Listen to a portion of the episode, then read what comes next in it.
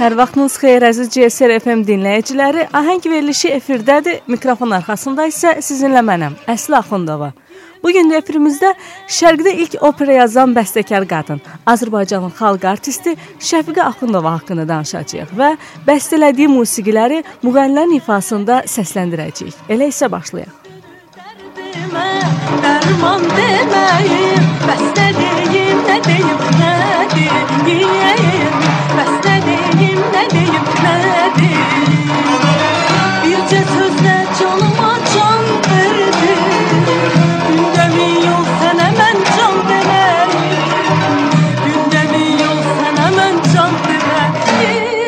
Gözlerim, gözlerim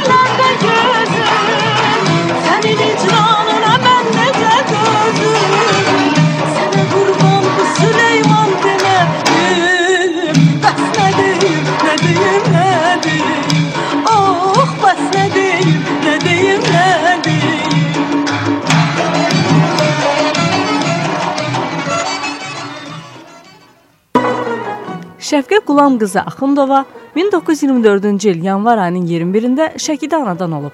Atası Axundov Qulam Bağıroğlu dövrün ziyalısı və dövlət işçisi olub. Şəfqə xanımın anası Züleyxa Səməd qızı isə evdar qadın idi. Onların ailəsində Şəfqə xanımdan savayı İsmət, Tahir, Nəriman və Rəfiqə kimi övladları böyüyürdü. Anası Züleyxa xanım qızının məhz həmin gün dünyaya gəlməsindən bir qədər məyus olub. Şəfiqə xanım bu haqda anasının dilindən eşitdiklərini belə xatırlayırdı. Mən doğulandan sonra anam gözlərini açıb ki, yanında heç kim yoxdur. Yalnız bir qadın var. Soruşub ki, bəs bu cəmaət necə oldu? Cavabında o qohumumuz qadın deyib ki, ay Züleyxa, bilirsən Lenin vəfat eləyib. Buna görə də hamı mitinqə gedib. Bu ölüm xəbərini eşidən anam çevrilib mənə baxır və deyir: "Can bala, nə pis gündə doğuldu." Ay doldu kalbilendi Neye dersen oldu için Bu kalp o kalbilendi Neye dersen oldu için Bu kalp o kalbilendi İlk təhsilini Şəki şəhərindəki 6 saylı orta məktəbdən başlayır. Lakin atasının işi ilə əlaqədar olaraq ailəsi Bakıya köçür. O da təhsilini Bakıda 6 saylı orta məktəbdə davam etdirir. Şəfqə xanım təhsil illərini və bu dövrdə ona savad verən müəllimlərindən danışarkən bunları deyib. Şəkidə çox az oxudum. 1-2 il. Açığını deyim ki, ailəmizin Bakıya köçməsi gözləndiyindən heç bu illər də vaxtaşır məktəbə getmirdim. Əsas təhsilimi Bakıda almışam. Əvvəlcə 6 saylı məktəbdə oxudum. Burada yaxşı müəllimlərimiz vardı. Onlardan Əhlimə müəllimi həmişə xatırlayıram. O bizə coğrafiya fənnindən dərs deyirdi. Çox ciddi müəllim idi. Elə yaxşı ki, ciddi olub və bizə də yaxşı savad verib. Yadımdadır ki, həmişə mənimlə böyük bacım İsməti müqayisə edər və məni ona nümunə göstərərdi. İsmət yaxşı cavab verə bilməyəndə Əhliman müəllim məni lövhəyə çağırar və xəritədə mənə suallar verərdi. Sanki Əhliman müəllim mənə məsuliyyətli olmağı öyrədib. Beləcə mən 7-ci sinifə qədər həmin 6 saylı məktəbdə oxudum. Sonra isə 173 saylı məktəbdə təhsilimi davam etdirdim. Bu illərdə musiqi məktəbinə də daxil oldum. Neçin gəlməz, neçin gəlməz Neçin gəlməz, neçin gəlməz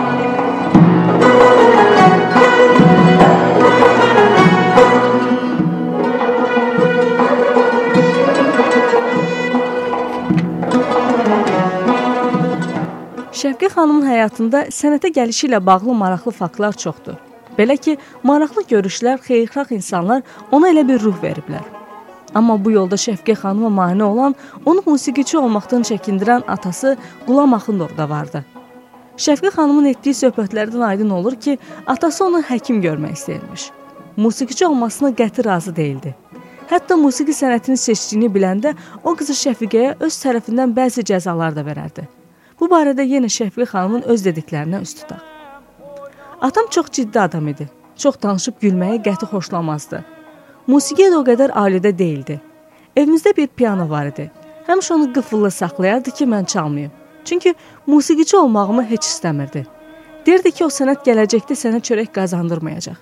Hətta anam Züleyxa xanımın da bir qarmonu vardı. Hərdən çalırdı. Atam buna da etiraz əlaməti olaraq həmin qarmonu evimizin elə bir yerində gizlətmişdi ki, onu götürmək mümkün olmasın. Amma atamın bu əzaziliyinə baxmayaraq mən musiqidən ayrıla bilmirdim və bu yolda anam mənə çox kömək edirdi. Belə ki, mənim musiqi ilə məşğul olmağım üçün bacardığı şəraiti yaradırdı. Elə bəlkə mənə musiqi istedadı anamdan keçib. Anam çox mənəvi dayaq olub mənə bu yolda. Çünki atam qəzəbindən mənə bir cə bəzi cəzalar da verirdi. Məsələn, yadımdadır ki, o bir dəfə mənim konservatoriyaya getdiyimdən xəbər tutanda məni hətta evə buraxmadı və mən qonşuda gecələməli oldum. Dəfələrlə qarlı, soyuqlu havalarda o mənə belə cəzalar verirdi. Anama da acıqlanır və deyirdi ki, qoy onun ağlı başına gəlsin və özünə düzəməlli bir sənət seçsin. Bəlkə də elə qarlı, soyuqlu havaların təsirindən mənim hətta böyrəyim zədələndi və professor Cavadzadə cərrahiyyə yolu ilə mənim bir böyrəyimi çıxartdı. Bax, o düzdür ki, sənət qurban tələb edir. Mənim də ilk qurbanım elə bu xəstəliyim oldu. Amma şükürlər olsun ki, mən xeyirxah insanların sayəsində öz sənət ideallarıma qovuşdum. Səndən doymaq olarmı?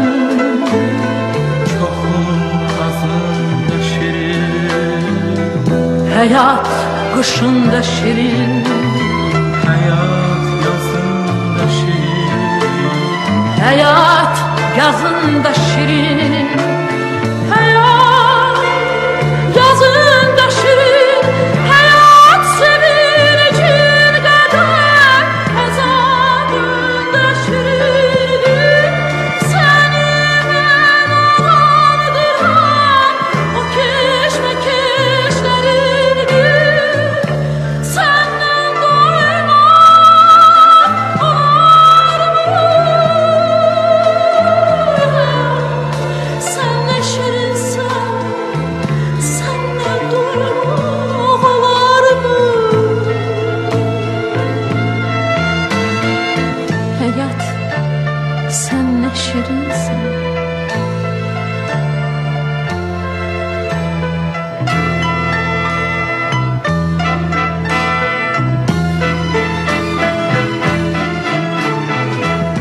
Həyat sevincin qədər Əzabın da şirindir Səni mən alandıran O keşməkeşlərindir Səndən doymaq olarmı? Səndən doymaq olarmı? Çoxum azında şirin Həyat kışında şirin. Hayat yazında şirin. Hayat yazında şirin. Hayat yazında şirin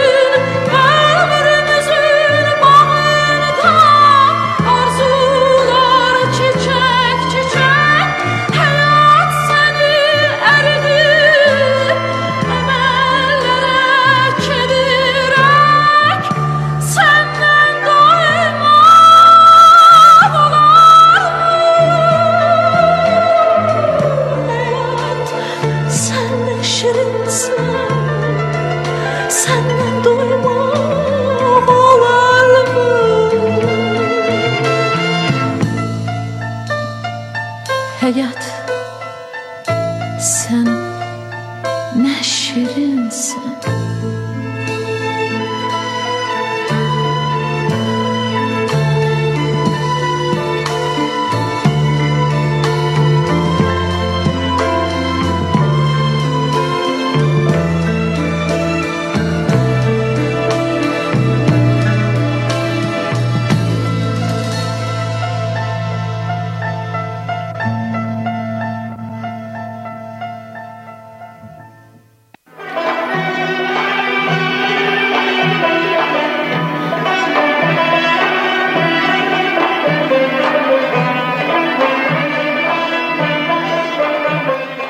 əziz dinləyicilər, biz qaldığımız yerdən davam edirik. Şəfqə xanımın istedadını görən Üzeyir bəy onu ilk musiqi savadı almaq üçün Hacı xan Məmmədovun yanına tar sinifinə göndərir. Çünki bu həm xalq musiqisini daha yaxşı mənimsəməkdə gənc bəstəkara gərəkli idi, həm də əsas məqsəd not öyrənməsi və musiqi nəzəriyyəsini bilməsi idi. Şəfqə Axundova bir il Hacı xan Məmmədovdan, sonra isə Ağabacı Rzayevadan tar dərs alır. Beləliklə, Şəfqə Axundova 1941-ci ildən Üzeyir bəyin təşəbbüsü ilə musiqi təhsili də alır. Özünün qeyd etdiyi kimi, Hacı xan Məmmədov və Ağabacı Rızayeva ona tarın ifasını və sirlərini öyrədir. Eyni zamanda Fatma Zeynalova və Məhəmməd Nəsir bəyovdan isə musiqi nəzəriyyəsi üzrə dərs alır. O ilk dəfə kolxoz qızları haqqında bir mahnı yazaraq müəllimi Üzeyir Hacıbəyova göstərir. Bu mahnı üzərində birlikdə işləyirlər və bu mahnı ilə bəstəkarlıq dünyasına yeni bir dahi qədəm qoyur. Nədən oldu?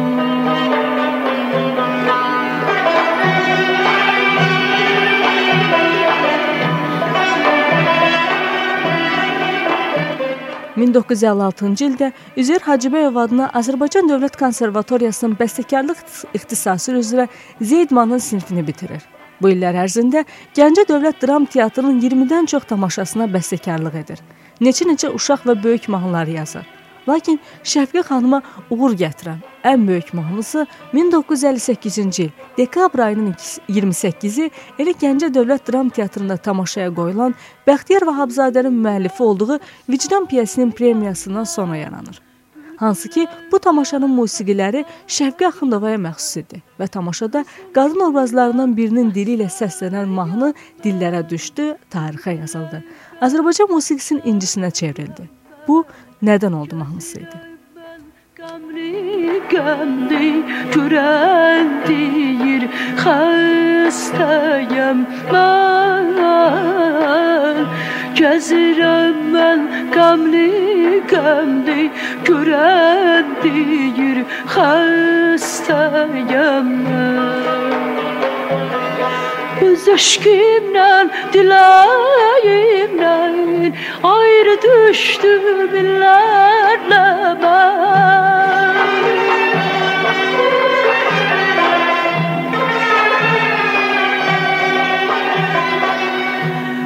Öz eşkimle, dileyimle Ayrı düştüm illerle ben Ancaq səndən ayrı gəlsən Ürək deyil bədən oldu. Ürək deyil bədən oldu Bədən oldu Can deyib can eşidərdik Bu ayrılıq nədən oldu? Bu ayrılık neden oldu, neden oldu?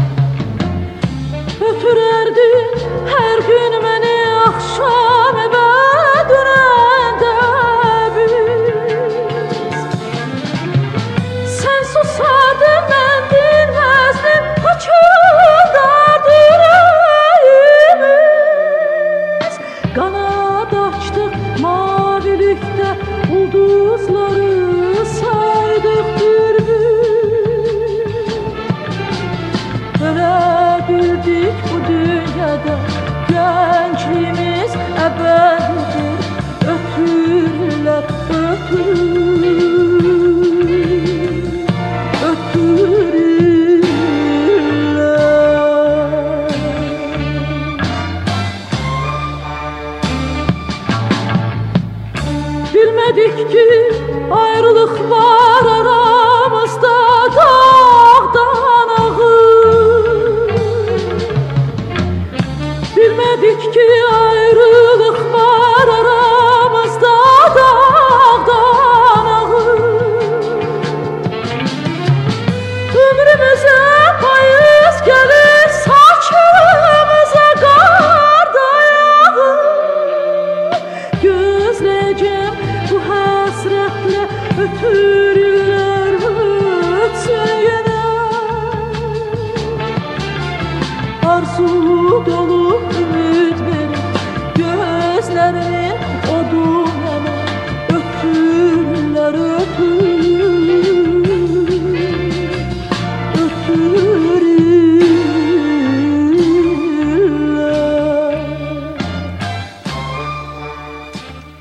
Bundan başqa Şəfiqə xanımın sevilən çoxsaylı məşhur mahnıları dillər əzbərinə çevrilib.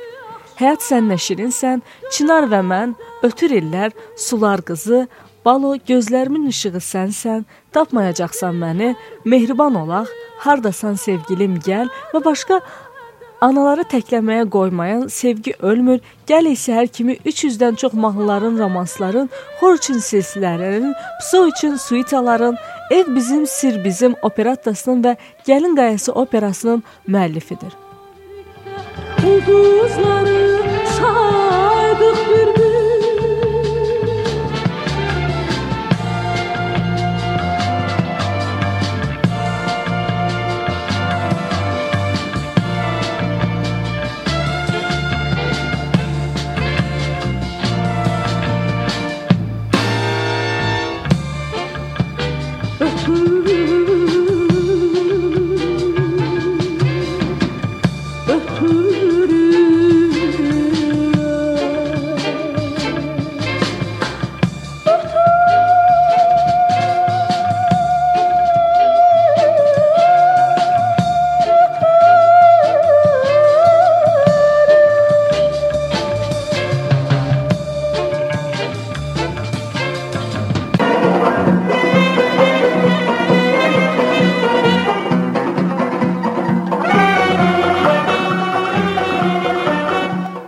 yazdığı mahnıların hər birini nədənsə ilham alaraq yazırdı. Böyük səbəb və məqsədlə yaranırdı bu mahnı. Bunlardan biri də Mehriban olaq mahnısının yazılması ilə bağlıdır. Bəstəkar mahnını yazdıqdan təqribi 40 il sonra verdiyi müsahibədə bu mahnı haqqında danışır və sonda çox ibrətamiz bir söz deyir. Bir dəfə qonşuluqda iki arvad bir-biri ilə möhkəm dalaşırdılar. Mən çox təəccüb etdim onların qırğınına. İki gün sonra teatrda yer üstündə iki tamaşaçının dalaşdığını gördüm. İnsanların bir-birinə bu cür münasibəti məni təsirləndirirdi və mən Mehriban olağı yazmağa qərar aldım. Mahnının yazılmasından neçə il keçir, amma görürəm ki, insanlar hələ də mehriban deyil. Təmiz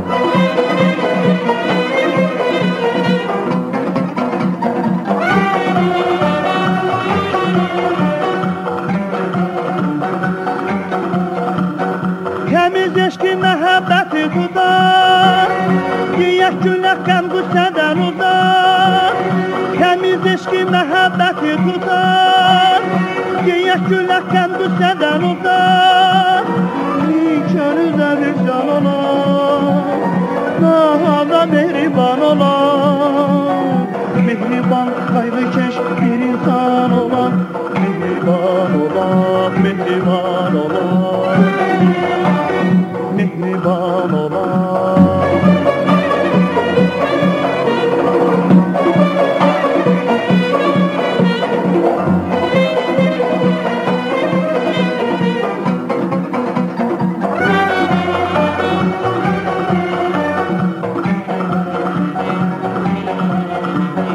İllər ötür biz donuruq yaşa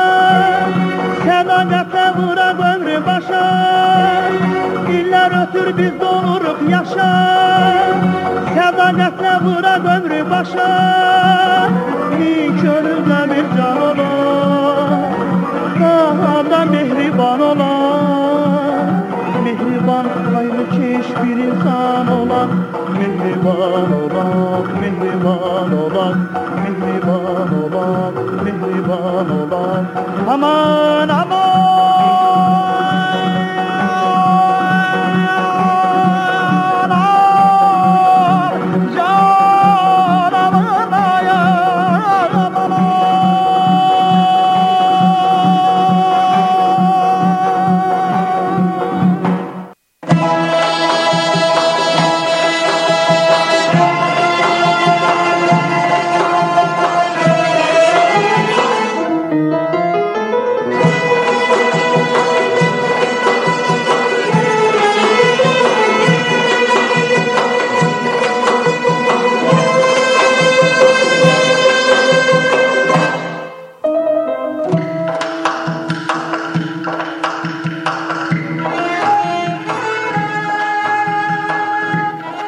70 ilini sənətə, musiqiyə sərf edən bu qəhrəman bəstəkar özü haqqında hər dəfə danışanda taleyindən biraz şikayətlənirdi. O həyat yoldaşından ayrılmışdı və öz dediyinə görə buna səbəb onun sənəti idi. Bu haqda açıqlamasında belə deyir Şəfiqə xanım. Yoldaşım məni başa düşmürdü. Ya ailə, ya sənət. İkisi bir yerdə tutur deyən adam yarımçıq sənətkardır. Tam mənası ilə özünü sənətə həsr etmək üçün gərək tənha olasan. Mən bu tənhalığı seçdim və özümü sənətə həsrətdim.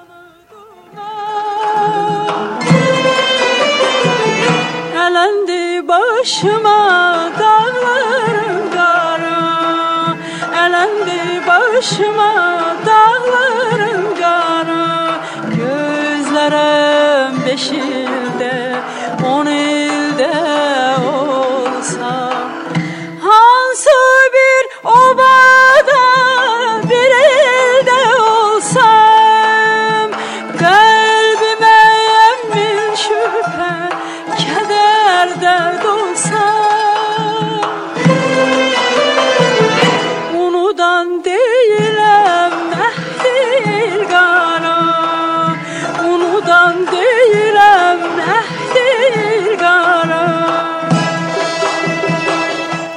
70 illik sənət ömründə yaradıcılıq yolunda çoxsaylı uğurları olur. 1998-ci ildə Xalq artisti fəxri adına, 2004-cü ildə isə Şöhrət ordeninə layiq görülür.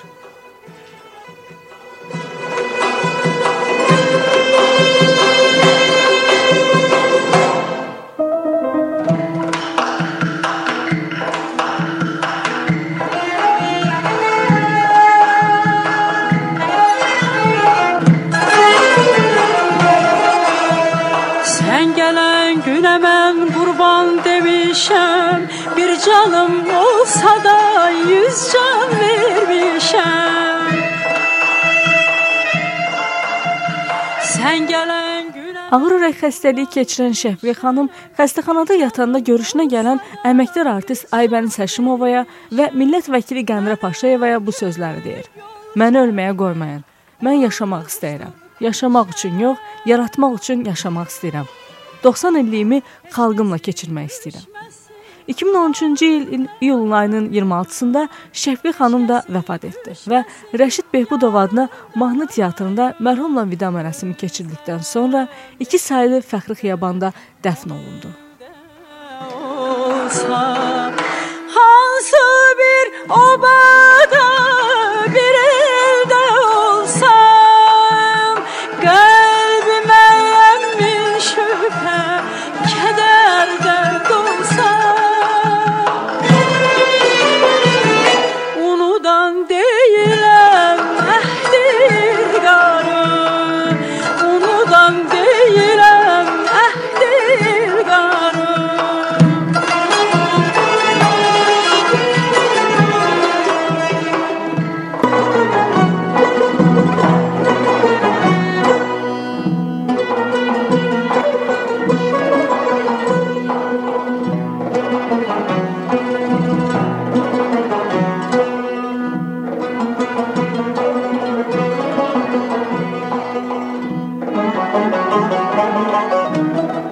əziz dinləyicilər, bugünlük bizə ayrılan efir müddətinin sonuna gəlib çatdıq. Bugünkü efirimizdə Şəfiqə Axundova haqqında danışdıq. Mikrofon arxasında isə sizinlə mən idim, Əsli Axundova. Növbəti efirlərdə eşitdirmək ümidi ilə Xudahafiz.